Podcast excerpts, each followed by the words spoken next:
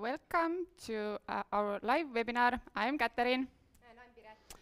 We are going to talk about uh, how to scale globally with uh, Rainer Sternfeld and Sten Tamkivi.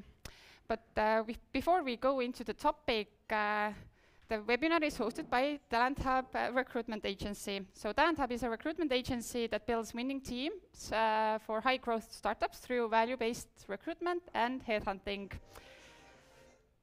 Uh, no worries. Um, so our mission is to provide uh, this type of content to scale um, in a scaling phase uh, companies and startups. So if you're interested, then you can follow us in LinkedIn and push that like button. And today we're joined by Rainer Sternfeld and Sten Tamkivi. Uh, Rainer is an engineer uh, and entrepreneur turned investor with over two decades of experience in technology, um, businesses and products, uh, building technology business and products across uh, Silicon Valley, Europe, uh, and Japan. He was the co-founder and CEO of Planet OS that was acquired by Intertrust and moved back to Estonia in 2019 to build Nordic Ninja, uh, one of the, lar- well, the largest Japanese venture capital fund in Europe. Sten Tamkivi is the co-founder of Plural Platform, a venture fund established in 2021 with a focus on investing in early-stage technology startups in Europe. Sten has got extensive experience as an entrepreneur and executive of companies such as Teleport and Skype. Welcome both. Great to be here. Uh, to get Thank you. Uh, for us to get started, how do you position yourself uh, compared to other VCs? Uh, what makes Nordic Ninja and Plural Platform so unique? Sten. Uh, yeah, so we, we're positioning that we're not VCs. Uh, Oh, it- it- good. it- but, but basically what it means is that the problem that we're solving for Europe, uh, and we're extremely bullish about tech in Europe specifically, um, is that if you look at more developed markets, like for example the US, about 60% of partners at leading VC firms have actually built a company before. And in Europe, that percentage is miserable, like 8 to 12%. So that basically means that 90% of people backing early stage companies in Europe have never built one. And we started looking into that and, and uh, looking at how we can attract. So in, in a word, in a way, it's also a talent problem to solve. How can we create the mechanism and attract people who have built and scaled companies before, and give them the tools and means to actually go and invest in startups uh, as more than just an angel. So with plural, uh, the people that we call only half jokingly unemployables, because uh, uh, no single startup probably can hire them, and for some reason VC funds haven't been able to hire them, and, and they can now go and actually lead a multi-billion euro round in seed array and get very, very involved in a few companies a year where they, they actually want to be hands-on and, and help to sort of change the trajectory of the company and, and sort of pass on the knowledge they've acquired as uh, hands-on entrepreneurs and operators themselves. So uh, we we felt that that is missing in Europe, and, and now here we are. Fantastic. Sten? Right? Right. Oh, sorry, Rainer. All right, thank you. Uh, uh, Yeah, so with Nordic Ninja, we have uh, uh, a unique position, not only in Europe, but also in the world. Uh, Most Japanese funds, when you look at them around the world, they are, well, Japanese. And our fund has been uh, started as a 50-50 partnership between Japan and Europe from the very beginning.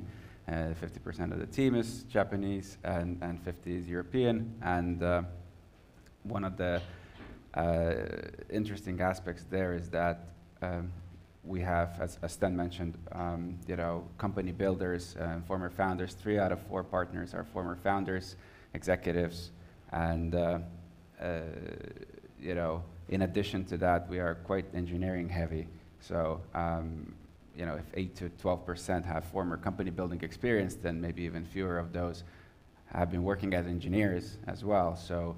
Uh, we have that going for us. And then maybe in addition to that, um, this is a, an international fund that was started here locally, founded in, in Helsinki first, but we have a team here in Tallinn and Helsinki and Stockholm.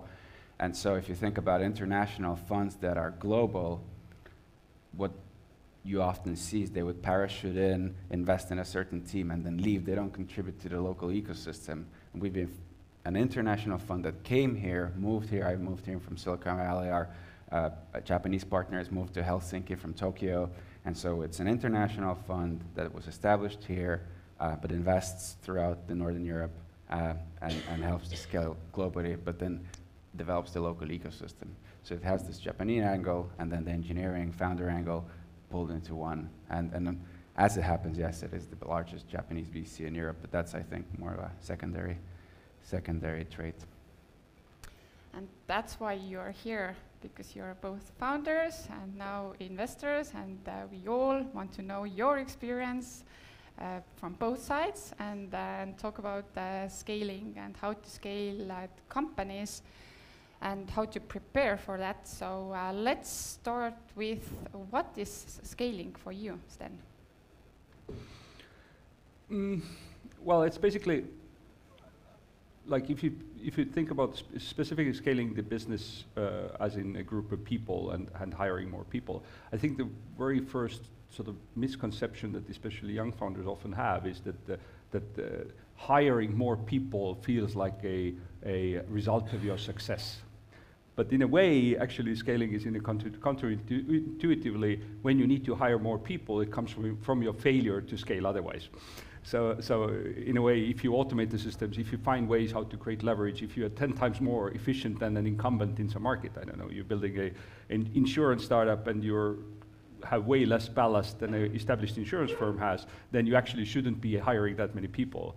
But uh, if you take a very, very careful approach and, and, build the right systems and tools and apply technologies, you still need the smart people to do that. And so, so mostly I think the, um, the scaling um, uh, should be driven by the, the, growth in your actual business activity, that you have more users, more customers, more, uh, more uh, money moving through your systems, and that means that you need to hire more smart people to manage all that.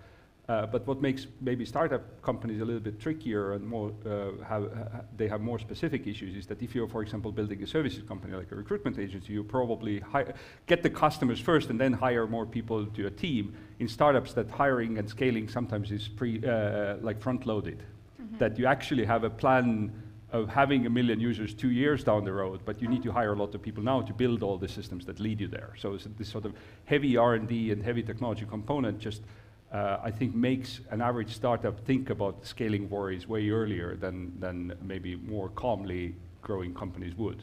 And so this front loading is also prone for making a lot of mistakes and, and going too fast or going too slow or hiring the wrong people and like all of this. Yes, and the mistakes we are going to talk about. So when you do the scaling part and uh, and you have done also the grooming uh, the companies from uh, zero to 100 yourself. So what have you seen uh, um, the others are doing? What mistakes are people making uh, when uh, growing companies from, let's say, 10 to 100, Rainer? Maybe before I even answer that, I think just to add to what Sten was saying earlier, I think it's quite important to uh, be self-aware as founders or even as investors. What does scale look like? And you know, going from 10 to 20 or 20 to 100, you know, 100 to 500 is a different uh, beast. Something happens in organizational management practices after 500. Um, but then, you know, I, I used to work for also for ABB, which had 130,000 employees globally. And then your, your own team, maybe, you know, 12, 15 people, and then your regional organization, 1,300, and then globally is 130,000. And then you kind of see how you can grow and what would the scale look like at the very end.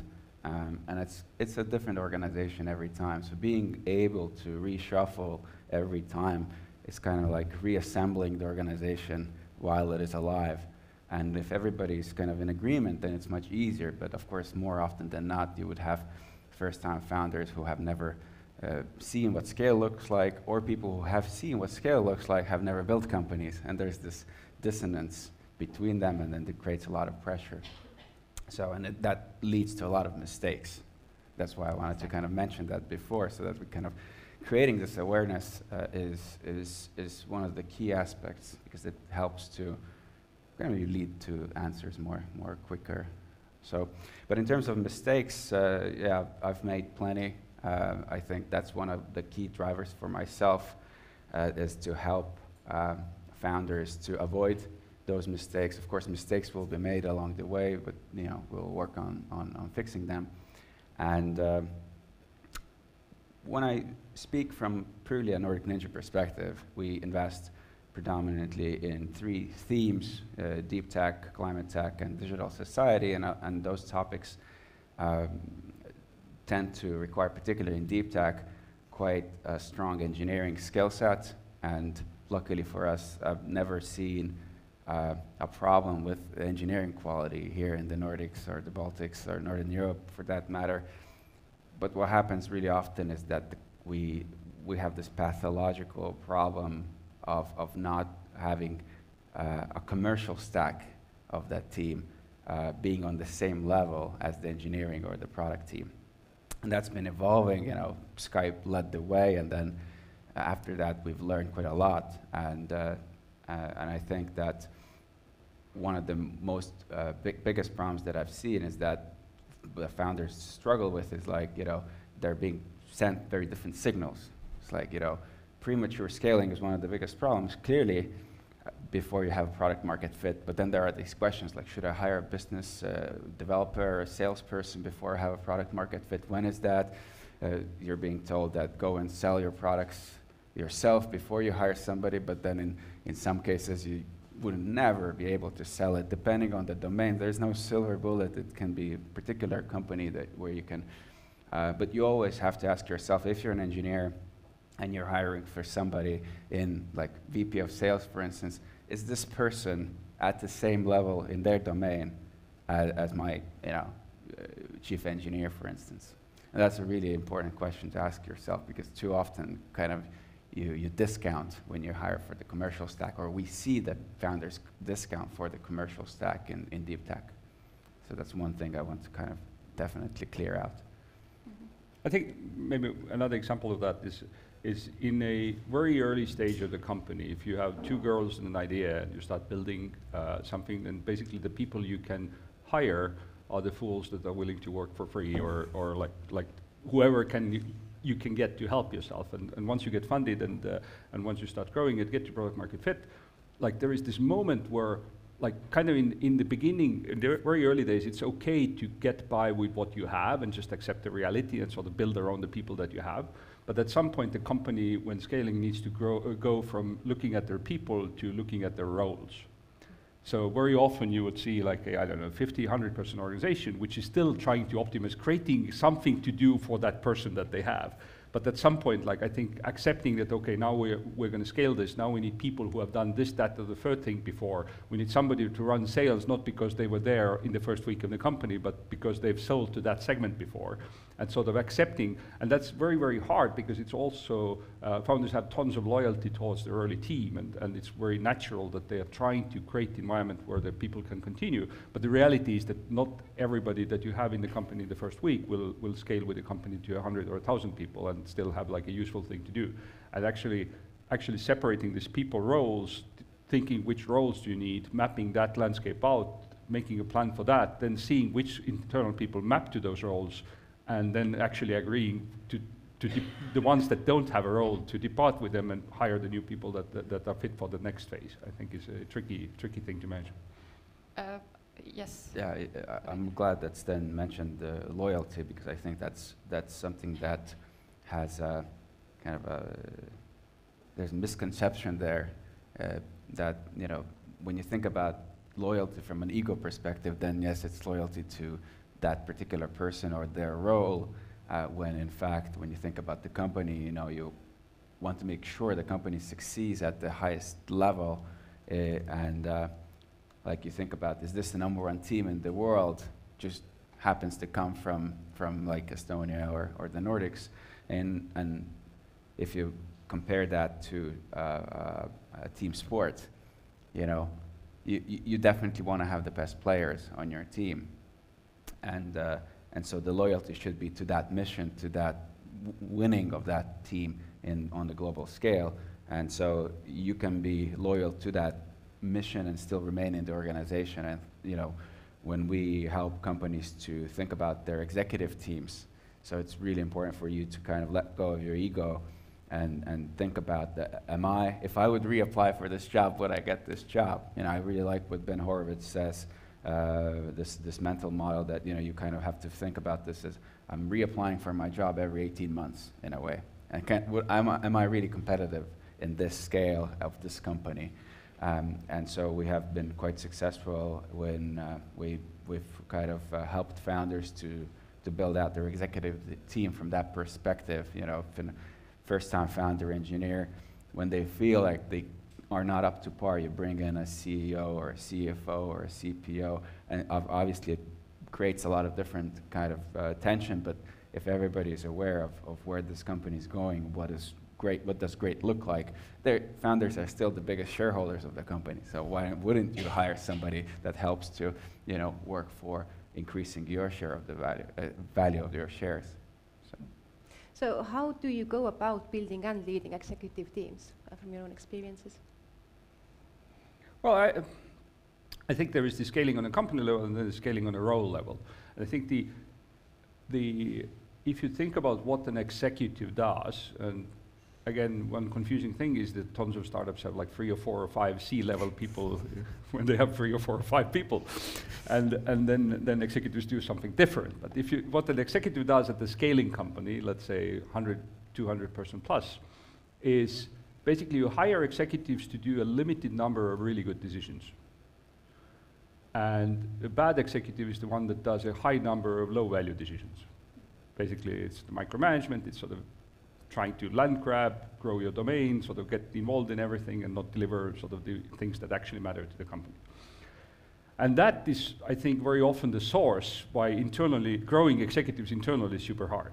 And like, I think, uh, I think we have a lot of sort of uh, public biases as well, because especially when, you, when it comes to founders, like everybody knows the Mark Zuckerbergs of this world, but they are rare, rare exceptions. Like there are not that many people on this planet who have gone from the early days of a startup to running a big public company and continuously the same person scaling their skills and learning to delegate and giving away. And, and especially like in a startup setting, like if somebody from internally grows with a team and remains an executive, like it's super hard to let go because you know where the systems were built that way, you know how this sort of customer came about, like you have all the relationships, all of that.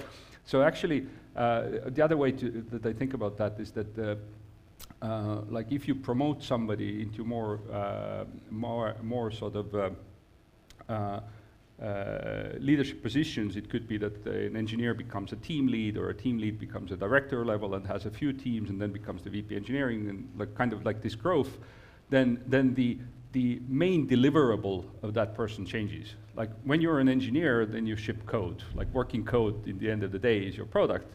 When you're a director or above, then your, uh, your, your uh, work product in the end of the week is a happy and performant team that ships code like, like, and giving up this sort of, and especially with engineers, it's very like you love being hands-on in, in some of the stuff and giving up and delegating and letting people to make mistakes and helping them grow as, as uh, individuals. That's, that's your job now.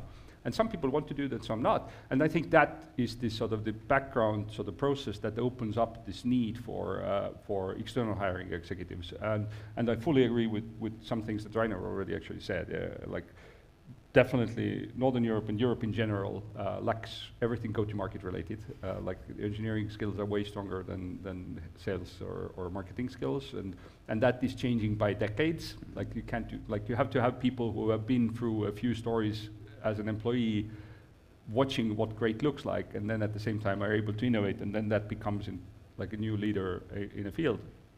Uh, and the other thing I think is the, uh, the um, uh, the uh, culture, risk of breaking the culture when you bring new people in, uh, like people who have seen scale, like don't know the history. And sometimes you bring in new executives to change the culture of the company, and sometimes you bring in new executives uh, to fit the culture of the company, uh, depending on how happy you are with the culture for the next phase. And, and recognizing that ahead of the hiring process and understanding that what are you going to actually solve for and how much conflict are you willing to create in this sort of cultural sense and do you need somebody who has managed through that change before? And this becomes sort of this kind of non-functional requirements for that role. One of the interesting things is, is that when you uh, compare, um, let's say, young founders, first-time founders discussion about how you build an executive team as the company is growing. You are in hyper-growth mode, but you know, you, when somebody's doing it for the first time versus for the nth time, the discussion is, is vastly different. And, and, and uh, even in that case, uh, if you work with a highly experienced uh, management team uh, and then still build out an executive team or a bigger team, the, conversations of how you hire or what you hire for are, are, are complicated. Um, and it's, it's, even more complicated when you do that with first time uh, founders.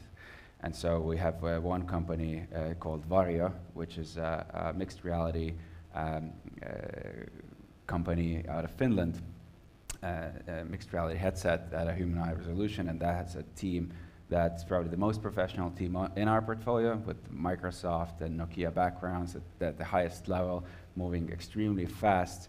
And then you see how the, the, the kind of Annie Duke's uh, concept of universalism comes to, to play, where the experts are experts because they are able to see all the different facets of a particular problem. Not because be they've been doing this for a very long time, but because they see all the simple, small things that a first-time person or, or, a, or, or, a beginner would never bother with. Why are you talking about this in so, so small concepts? And then, then you really make that difference. You hire for like a great cloud uh, architect and, and really hunt them down, you know, and, and, and then it makes all the difference in the world. And, and then you see what great looks like, right?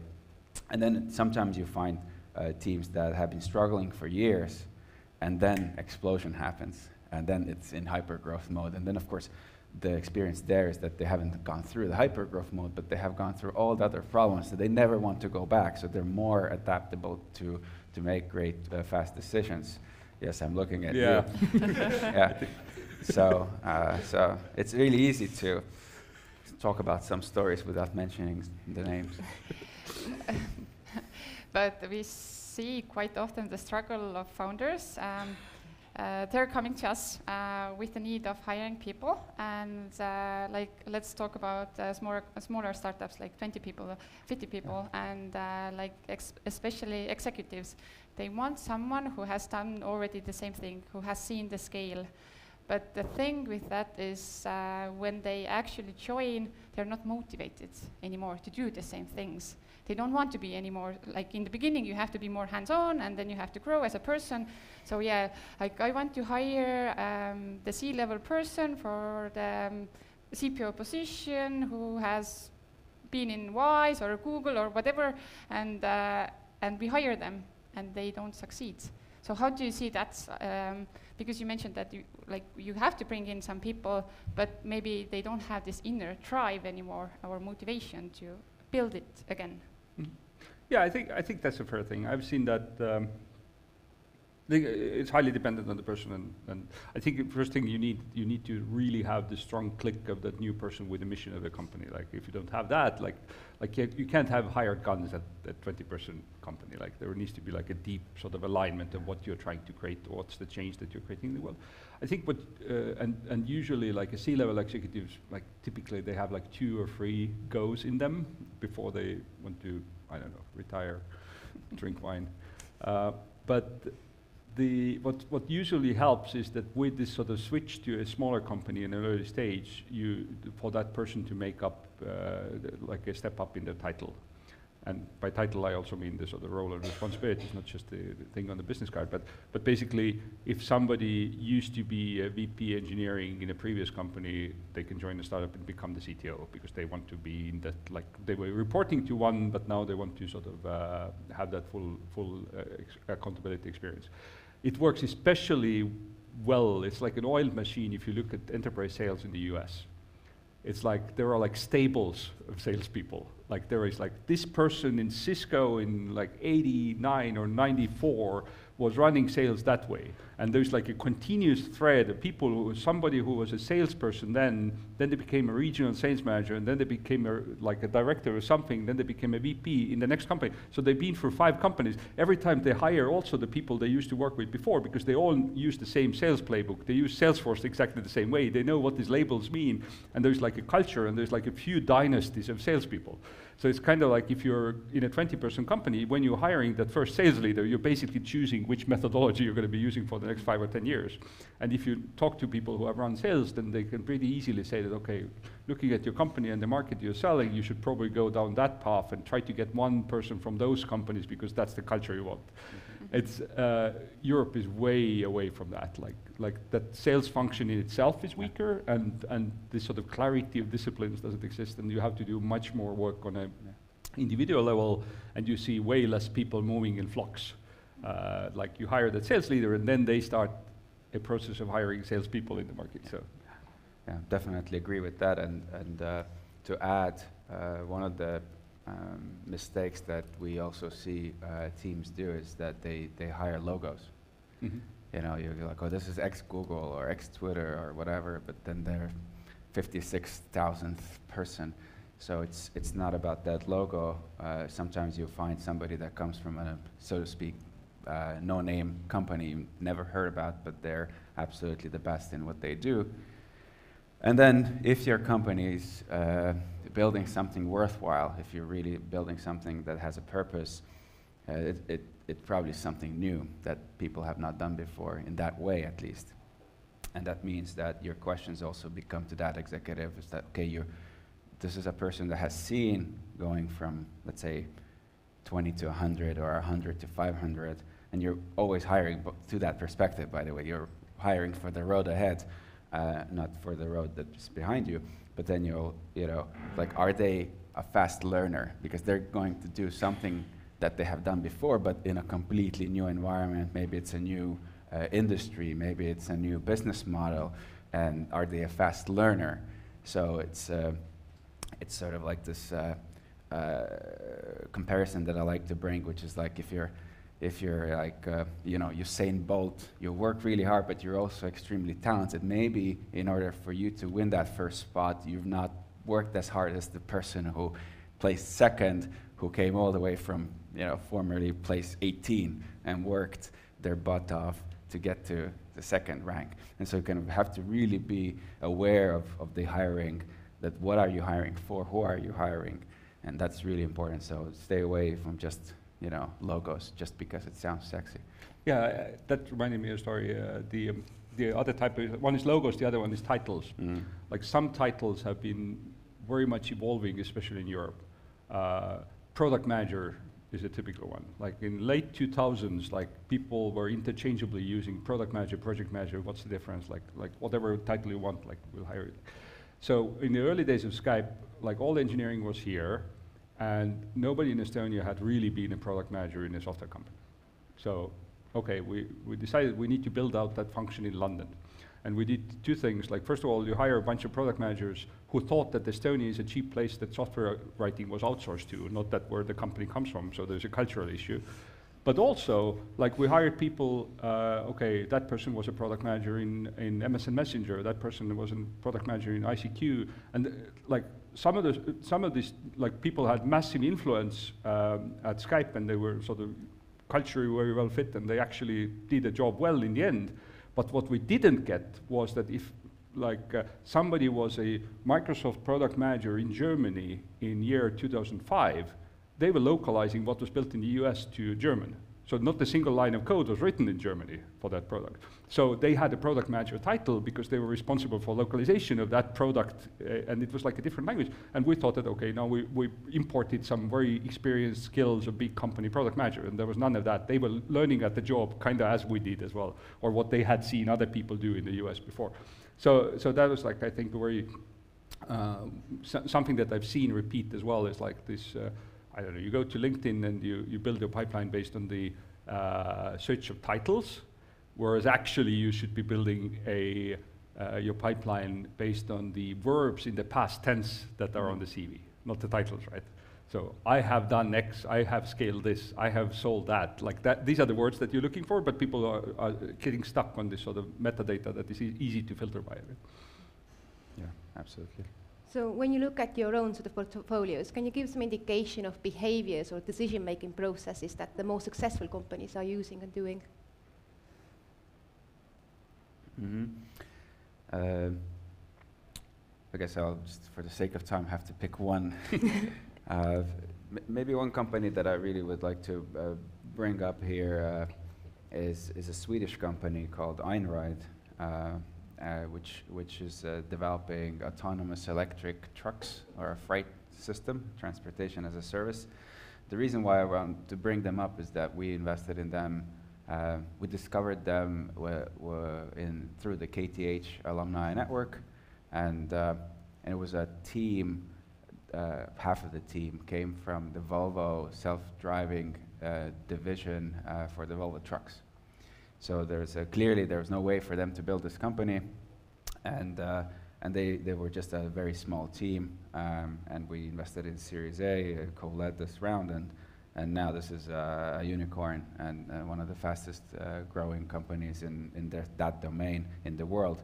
And so they, they are reminding me of like, you know, when we talk about an organization that's, you know, reassembling themselves, you know, every, you know, six months or what, you know, what have you, in my opinion, that's a company that's reassembling themselves every month because they're moving so fast, they're making the right decisions, they're, they have the right uh, executives in place, they've changed these executives, they've built those products, they've been able to fundraise, which is a very important trait, by the way. You know, are, are you fundable as a founder, but also from an investor point of view, is this founder able to fundraise and hire and recruit? So they do all these different things uh, in the right way. They really, as Sten mentioned earlier, they focus on the few right decisions and then they, you know, they hire the right people, they onboard the capital, they focus on sales, and then everything else is taken care of. I mean, it takes care of itself. Sounds really vague, but you will have the right people in place to do that work, perform that function, and uh, and it's just been, you know, uh, a wonder to, to, to look at that company evolve over the last uh, uh four or five years. And, and you would never think it's just a five year old company. and they're not, you know, it's, it's hardware. You have you know, trucks on wheels. It's, it's, it's, it's massive as an undertaking. So just, just beautiful to watch. And I think this is not the question you asked, but I just want to point this out that it's an interesting aspect to look at Sweden in the sense that they have a really mature corporate culture and there's a mature uh, startup culture. And there's obviously sometimes some tension, but there's a healthy understanding that it's a cycle. You always have to innovate. There's builders, and then there's the ones that maintain the status quo and creates jobs for the masses, and then you kind of go through that cycle. We in Estonia never had that when we became free. We didn't have a corporate culture, so we have tension. So the, the older guard definitely does not like the startup uh, ecosystem and vice versa. And because we don't have that historical continuity, unfortunately, but we need to build for that. And we always, when we kind of uh, become older, we need to keep that in mind that it's all about, it's, it's a re rejuvenating cycle. It's really important. And I think Einride is um, the embodiment of that. So yes, you want to create something new, but not because you're, you hate the old guys, but because something needs to be done in order to improve a particular situation in the world. Anything to add, Sten? No, I was thinking of the old guard, young guard thing. The uh, yeah, it's it's. I think I think we're getting to a point where it's about to change because if you are, let's say, if you're a Estonian government, you want to get input from the largest employers in the country. Bolt wise, like, like I mean, the, the places where thousands of people work every day and who are exporting and who are growing the fastest, like we have this corner of the economy uh, that is growing 10 times faster than Estonia typically, or European countries typically, right? So, so it's like that has closed that gap pretty well, and I think that has created more dialogue and more collaboration and more, more discussions. And, and people who built companies in the 90s are angel investing now and sort of trying to contribute with their knowledge, which is especially uh, hardware is a great example. Like any Estonian startup that starts building something with the hardware eventually will need to figure out how do you fund inventory. like it's, it's like there are people in the country who have done that several decades. so, so that's very helpful to, to, to have this sort of, uh, uh, that's an example of executive hiring where you can bring in skills from people who, who wouldn't have been a good startup employee, uh, but, but are massively uh, able to contribute in sort of the scaling phase and, and bringing this manufacturing supply chain uh, financing, like startups usually raise money to equity, but if you're building something with a lot of physical components, you need to figure out how do you work with banks, what's a, let's say mezzanine loan, like nobody, nobody knows, like in, in this sort of early stage Yeah. startup crowd. So, so where do you get the people who do that? The other uh, function where I've seen that happen quite successfully is finance. Like uh, people who built an amazing career in, in corporate finance or, or worked for one of the big banks, which uh, banks in Estonia have had very strong sort of ethical corporate cultures around them. Numbers are, have been very, very sort of well kept always because of the Scandinavian ownership and this sort of things. So bringing more people from that those experiences to help startups who are usually very messy and their budget is maybe a bad spreadsheet, but like to, to bring sort of discipline and visibility and, and sort of pres- precision to numbers, it's is another example where you can sort of cross-pollinate from this uh, uh, other fields. It's a pro tip right now. So everyone starts hiring from banks now. Uh, you've mentioned the importance of having the right people at the right stages and also like moving these people at the right times a few times. Um, so how do you spot when a person isn't growing with the company uh, and what do you do about it? How do you build that relationship of trust where you can even have those difficult conversations? Yeah. Mm. It's, it's easier to spot that when the company is growing, but the person is not growing. It's, it's harder to spot that when the company is not yet growing, and then you have this question is whether there's something, you know, with the person or the leader or, or le- the leadership in general or, or with the business model or the products. So that's harder. Uh, so let's focus for a second when we, as we are talking about scaling. So when companies are growing, uh, it's quite easy to, to spot when somebody's not delivering or is struggling. And it's okay to struggle, but then you develop, and you know, it's, it's, it's, we're not machines, we're sort of also cyclical beasts. And, and, but once you spot that, then you have to have a very honest conversation. And, uh, and uh, we have had one really good experience uh, with uh, a portfolio company, uh, a mutual portfolio company, Logmore in, in, um, in Finland, which is uh, providing condition monitoring systems uh, for perishable products like uh, food, pharma, electronics, things like that. And during the pandemic, they were growing extremely fast because they would provide the condition monitoring system for COVID vaccines, which had to be, you know, under 70 degrees centigrade for, for Pfizer, for instance. And, and there it's easy to spot that, hey, like we're growing so fast, it's, it's, it's not, you know, it's not working. And, and then we had a really nice conversation with, with the three founders who all agreed we need to bring in more, more help. Uh, and, uh, and so we were able to bring in uh, a CEO, a CFO, a CPO, and even a general counsel because a lot of these pharma agreements are quite complicated, so you would have an in-house uh, counsel. And uh, this doesn't happen overnight. It, it took us almost a year to fill those four positions, but the way the founders, once they realized that this is required, the way they kind of removed the, their ego and, and really thought about this as shareholders, that was pretty fascinating. And, and, and, and, and they stepped up and they have been able to learn from these new executives as well.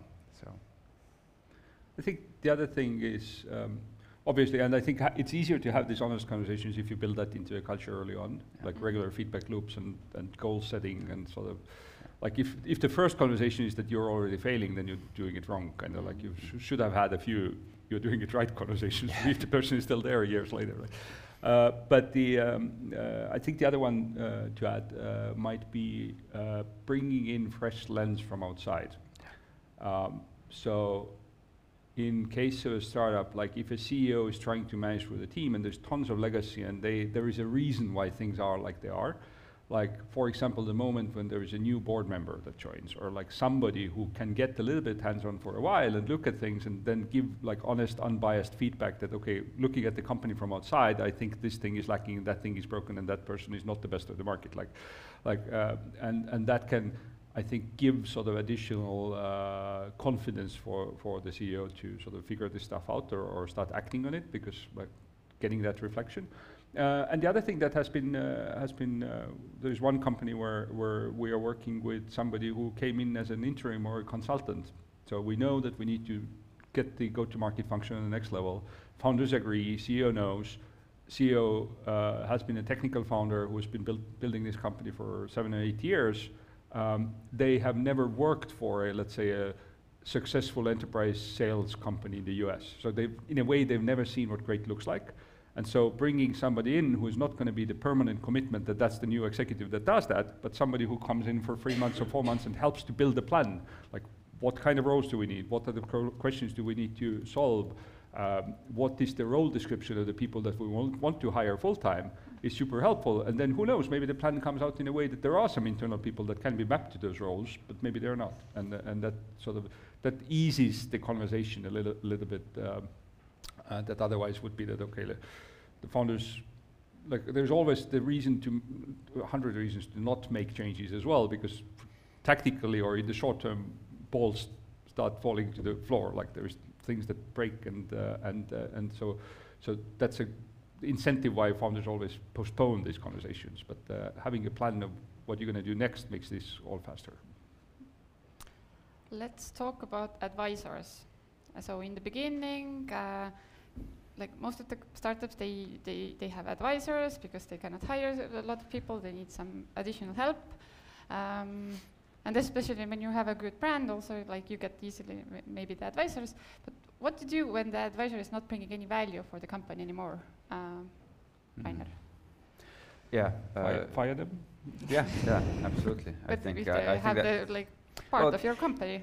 well yeah exactly. So the I would I would bring in a couple of examples and then and then you probably have more to add uh, just very easy off the bat. One is that the best kind of an advisor is the one who has also skin in the game. you know, like let them invest, I don't know, 50K, whatever they, they have, maybe less, if, if they have less, whatever, and then they want to help. They will have an objective reason to help rather than give them some random obscure percentage, which is really hard to measure. Uh, and, and of course, our markets have become much more mature here in the in the Nordics and the Baltics in the last decade, right? But it used to be also quite like a cowboy thing to do. And if you go to Latin America today, it's like sometimes you see like some advisors have a bigger share than the founder, and it's kind of it's complete wild, wild west, wild south, west, whatever. um, so that's that's clear. Let them invest. And the other one is that uh, don't make these long-term uh, commitments with advisors. Make them short-term, really short-term um, and that's like in the very beginning. Like you can always renew. How short? You know, six months, 12 months. I don't think you need to have like four-year vesting type of thing with an advisor. That's like your, your company is three months old. What are you talking about? what are you doing? Um, so that's that's clear. When you're uh, a bigger company, obviously, you know, we spoke earlier about building an executive team, reassembling companies, you, you may bring in an independent advisor to the board or independent board member as an expert in that particular field, things like that. So like nothing is permanent. Everything is kind of always changing. Obviously you have people who are there, but you always have to keep that in mind. Um, you know, what do you want to achieve? Uh, and, and I think the advisors, if they're not being valuable, then you know, they're going to become a ballast. You don't want that. Then, do you want to add something? Yeah, I think there are many, many formats. Like I, I think advisor is too broad. Uh, mm -hmm. uh, the um, like if you if you have a company that like it makes sense to have uh, like let's say if you have a deep tech product and you have a scientific advisor somewhere or if you have a customer advisory board where there are people who are paying you money but you create the format to listen to them or you have somebody that you bring in to help fix your organizational processes or build up your recruitment function or whatnot then then I think these are very different categories and I, I, I think some of those clearly apply. I think yeah. time boxing everything is very very good idea. Uh, I also see the best board members usually like let's say independent board members that you invite they try to time box like like people whose time is very valuable are not going to commit to being with you for the next decade, but they say that okay, I'm going to join your board for the next 24 months, and then we'll see. Like there is a cancel date, and that's very healthy. And professional CEOs that are not founders but operator CEOs do that always as well. They want time boxed contracts because that's a opening for both sides to see if it's still working. Um, and uh, and I think. Depending on what you want to get out of those people, if there is like a specific deliverable that you need, then goaling around that deliverable and like talking about output, not process, I think is logical. Uh, and in other cases where you want the constant feedback loop, I think uh, sometimes like not dealing with them individually, but sort of grouping them up, and that's what advisory boards, customer advisory boards, like like having a cycle where you like once a quarter or once in a half year get a few people at the same table because you probably get more value if they argue about some things as well, and sort of giving them good meals and sort of that Yeah. that sometimes gets you more value out of that relationship actually. Uh, next pro tip, like meals and bring people together. Always meals, always. Okay, um, let's talk about uh, founders and uh, CEOs of the companies who are usually the same people. Like the founders, they are become the CEOs of the companies. Uh, when they start, uh, they need to be hands-on hustlers uh, who can do everything. Uh, but when growing, the role itself uh, evolves as well. So, what are the main mistakes uh, founders are doing when company uh, grows? Sten. Mm, I think some of the ones that we discussed earlier about executive teams also apply to the founders. It's also, I, I think, maybe as a perception or a culture, there is like, um, there are founders who want to be the CEO because they, they have this perfectly clear vision of what they want to build out of this company and they have a plan and they have the energy and all that. But there is also, like sometimes founders who think that the society expects them to be, be CEO, that that's the self-worth is attached to that title, kind of. And, and actually, I think, uh, as with any executive or any employee, like having this sort of maybe every 18, 24 months to think about, like, are you, like what Rainer was saying before, are you the right person for this phase of the company, and do you actually want to do this job? Like I've seen some founders who have switched to sort of domain-specific uh, uh, roles and and hired a really great CEO, and they're the happiest people ever. Like they can do what they love, and they can, like I don't know, like somebody who wants to build uh, great products doesn't have to go and fundraise and deal with all, all that mess. So, so, so there is like, um, uh, like I think the self-reflection and honesty about that, and having great advisors and mentors and board members and people who are can have that conversation uh, with you in a sort of a safe and non-hostile way. Uh, like that's that's something that that being an investor somewhere uh, sometimes it's it's hard to have those conversations because it's like uh, like the ince- incentives can be misaligned or like if somebody like let's say if an investor shows up and asks uh, do you want to be the CEO it sounds threatening right? But but if there are people who are more neutral about the situation and uh, and uh, that has worked quite well so very often I think founders who are growing to managing like a few hundred people team then you see them sort of having a coach or having a mentor I definitely agree. I think your your self worth should be in any for anybody actually, not just CEOs. Your self worth should be tied to the best possible decisions that you can currently make, not your you know title or or whatnot. Um, and so, like the biggest failure in life is if you don't act according to the best of your knowledge. And so, I think there are. Having said that, I think there are very few individuals who can go from, you know, a 10 person team to a 130,000 person team and you're withstand all the uh, challenges and you're growing as a person and you do that for like 20 years. There are very few people like that. And so it's perfectly okay. So um, I think it's, uh, uh, yeah, since we are talking from, you know, 10 to 100 persons, right? So these, there, there are very typical mistakes, clearly, right? So not recognizing uh, the company's uh, situation, not hiring, not stepping away, like not letting go of your ego, not recognizing that the company's made some mistakes, uh, uh, waking up too early, or uh, you know things like that. So, so usually when companies fail, it's it's really easy to to see what where the mistakes were were made. So. Uh, I think there are books and books and books about this particular topic from, from 10 to 100 when it comes to CEO uh, leadership failures. Yeah, the, the three bullet sum- summary is you, you basically, as a CEO, you need to do three things. Yeah. You need to have cash in the bank account. You have, need to have right people in the seats, and you need to give them direction, like where Yeah. you're where you're running, Yeah. and that's it.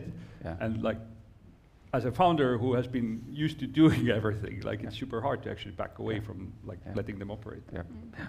yeah, if you do all that in the right way, you are, in a way, you know, allowing everybody else to do their, their job. Sounds so simple. Yeah. Uh, like so simple. Uh, but uh, have you had those discussions with yourself or with some coaches, mentors, advisors uh, when you were uh, as a CEO? Like, am I uh, the correct person uh, at this point?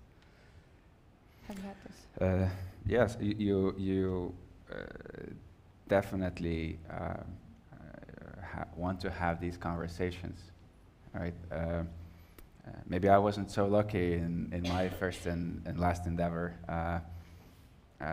it with alignment uh, when it came to all investors. So investors also have to be aligned around like the common goal. With small details, that's a different story, but, but the common goal. And if you don't have alignment even among the investors, then there's like very difficult thing. So that's what I like about uh, uh, this situation right now, and in, in, in uh, also working with Sten uh, quite closely on many, many companies, is that we have a mutual understanding of the path, and uh, you work with the founders to give you to, to give them the best advice you can to avoid some of these mistakes. So you actually have been there. So that's that's super important. So alignment between investors and and and the management team is, is is very important. You kind of you know you don't want to have people on the board who hate you. So that's definitely not great. Uh, or, or, or you don't want to have investors who fight and, and you're, you're a CEO and you're watching this as a- there's like a family, family affair, some sort of a fight. Uh, and you're like, These people you can't fire as well. yeah, and you can't fire. Have So, you seen it? uh, well, you can't fire investors. It's, it's definitely a very complicated uh, kind of dynamic. So, you know, building the cap table, building their team, these are the most important decisions. And, and sometimes people discount just because they want to get funding. But I would say, yeah, let it die and start over. Just, yeah, don't, don't, don't uh, make the decisions that you already know in your heart will not work. Like, there's no way this will be, uh, you know, a fruitful partnership. Yeah, in Teleport, like in the seed phase of a company, like no matter how much you wish, you, you can't have anybody else be the CEO. Nobody wants to do that. Yeah. so you kind of have to. Um, but I, I had this very distinct moment where I was selling Teleport to to um, uh, MoveGuides at the time, which later became Topia, and frankly, I didn't in that conversation. I didn't worry about like I'm not going to be the CEO moment at all. I was very focused. Like my entire decision making of selling the company and staying with the acquirer was like how well I click with the founder of the buyer, or the CEO of the buyer. Uh, can we have very honest conversation about where our domains are, and am I am I happy with sort of the latitude and freedom to operate in my domain? And because of there, there was like a very clear like separation where, where uh, Brynne, who was the CEO at the time uh, of Topia, uh, she came from a finance background, uh, like, like knew the customer market extremely well, was building the sales organization and all of that. And I could basically come in with my team and take over all the product side and eventually the engineering and sort of became the CPO of that. I was actually very, very happy about it because, because Brynne was dealing with it. Like basically I went from a seed stage founder, could skip Series A, Series B fundraising, go out with Brynne and pitch the company together, raise Series C and sort of like, accelerate, skip a few years of development towards the vision and mission. And so, so I think that's, that was very, um, I felt that that was the right way how to unpack that, not to think about like the titles, but think about the substance first and the sort of the, is this what you want to do with your life? That's another thing is that the, if you if you are an early stage founder and you start something where you often there is this misconception that it's a few years of commitment. In reality, like like the average age of companies going public or exiting has been raising over the last decade, or two even. So it used to be that maybe in seven or eight years you go public. Now it's like 11, 12, 15 years, depending how complex thing you're building. It might be 15, 20 years of your life before it goes to fruition. Like that's a really long marathon. And like, do you really want to do the same job through all the scales and all of that? But for sure, if you're going after your sort of mission that you're super passionate about, you want to see the story succeed. So it's always like benchmarking, like what's what's a good balance of your personal life goals and what you want to do with the days and how you balance your life with your family, which is kind of tougher for CEOs, uh, and and then then actually having the company succeed. So I, Yeah. I think it's it's this egoless looking things from afar, trying to observe more neutrally rather than Yeah. I would, I would also bring in like the market. Mhm. like sometimes uh, when you when you're building something, you have you know competition, and then y- you know, as you pointed out, this, would you rather go through Series A, B, and really go for it and take on that risk that uh, that maybe somebody goes past you? I mean, it really that you have to really have conviction in your your ability, your team's ability to deliver and go faster every time you, you fundraise, uh, uh, or depending on the domain. Again, sometimes in deep tech, that's really like if you want to this if you're really tied to the mission, if you want this mission, if you want to really help to change the world, sometimes, like I had this conversation with uh, Tony Fadell, who is one of our investors at, at Planet OS, and he's the, he's the founder of, of uh, Nest Labs, co-founder, and, and his company got acquired by Google. And obviously Tony would have been able to go and fundraise a lot and, and built a bigger company out of this, but it was like, okay, have, he's already been at Apple, you know, what scale looks like, you would be acquired, uh, by Google, and that gives immediate scale. And, and then no competition will ever be able to kind of over, overcome uh, or surpass you. So you always have to factor that in as well. Like, where, where is this field going? Um, is this what I, you know, created with the team? Can we really take it to the world stage? And if the answer is no, if I go through Series A, Bs, and Cs, and I wind up last or somewhere in the middle, that doesn't matter anymore. So again, you failed uh, maybe to you know, maximize your own share uh, value, but you definitely then can make decisions to maximize the impact of that product or, or service that you develop. So that's also another factor that you have to think about. Uh, maybe to, to balance and to say something, something sort of paradoxical or arguing against ourselves, like doesn't mean that uh, that actually having temporary CEOs is a good thing. Yeah. Like kind of like when when investing uh, yeah. at Plural, we still we are looking for companies that can potentially grow a hundred times. Mm -hmm and like the probabilities can vary, but like there's a credible path to 100x. And of course, you're trying to find the founder who can scale with that because changing a CEO is a pain. Like things, everything can go wrong, and finding the right person and culture clicks and like all of that, it's super, super hard. So of course, you dream about it. So I think all these comments above are like if the CEO or the founder really feels that the time is right to change, then then that's fine. Mm -hmm. But we all dream and hope that the founders scale as far as they can. So the pressure is still on yeah. for the founders. Yes. They were already thinking that maybe they can go. First 100x you can. Okay. Yeah. yeah. yeah. Uh, just want to point out again, like one, one thing that's really important is that, you know, uh, we invest currently only in the Nordics and the Baltics, and our, our population here is 33 and a half million people in those eight countries. That's still fewer people than in the Tokyo metropolitan area. so you know, like our there's no domestic market. It's it's it's small. We have you know terrible weather, obviously, and uh, and so you want to invest in teams that are able to scale globally. I mean, that's the only way you can in in a VC economy, like from in and out. I think we've spoken too much as founders, but like as investors you, you want to invest in the best team in the whole world who just happens to come from this area. Uh, that, that's the only way. And then you factor in all those things that we spoke about, like what, is a, what, is, what does best look like? Why do we know they're the best? How can they continue? And, and so on. Okay, so we are actually almost out of time, but mm, before, yes. before we close, uh, one piece of advice in one sentence uh, for a founder to take away, to think about, to do. Mm uh, I have this uh, sentence that uh, you really have to ask yourself, do you want to win or do you want to be right? and, and, I really suggest you want to win. Uh, and, and in order to help you to win, I, I really suggest, since we are talking about people, mm. I, I really uh, recommend you to read this book by Claire Johnson called Scaling People by, uh, from Stripe Press. Thank you. Sten? Okay, if we're going into dualities, like that reminded me, uh, there is a great book called Founders Dilemmas uh, by Noam Wasserman. Mm -hmm. he's a Harvard researcher that's, uh, that has taken many of these paths. Like he's basically the theme is that uh, do you want to be rich or do you want to be king? like uh, like you can't be both. Uh, like do you want to maintain maximum control or do you want to create the delegating organization and have co-founders and all of that, which reduces the slice but makes the pie bigger.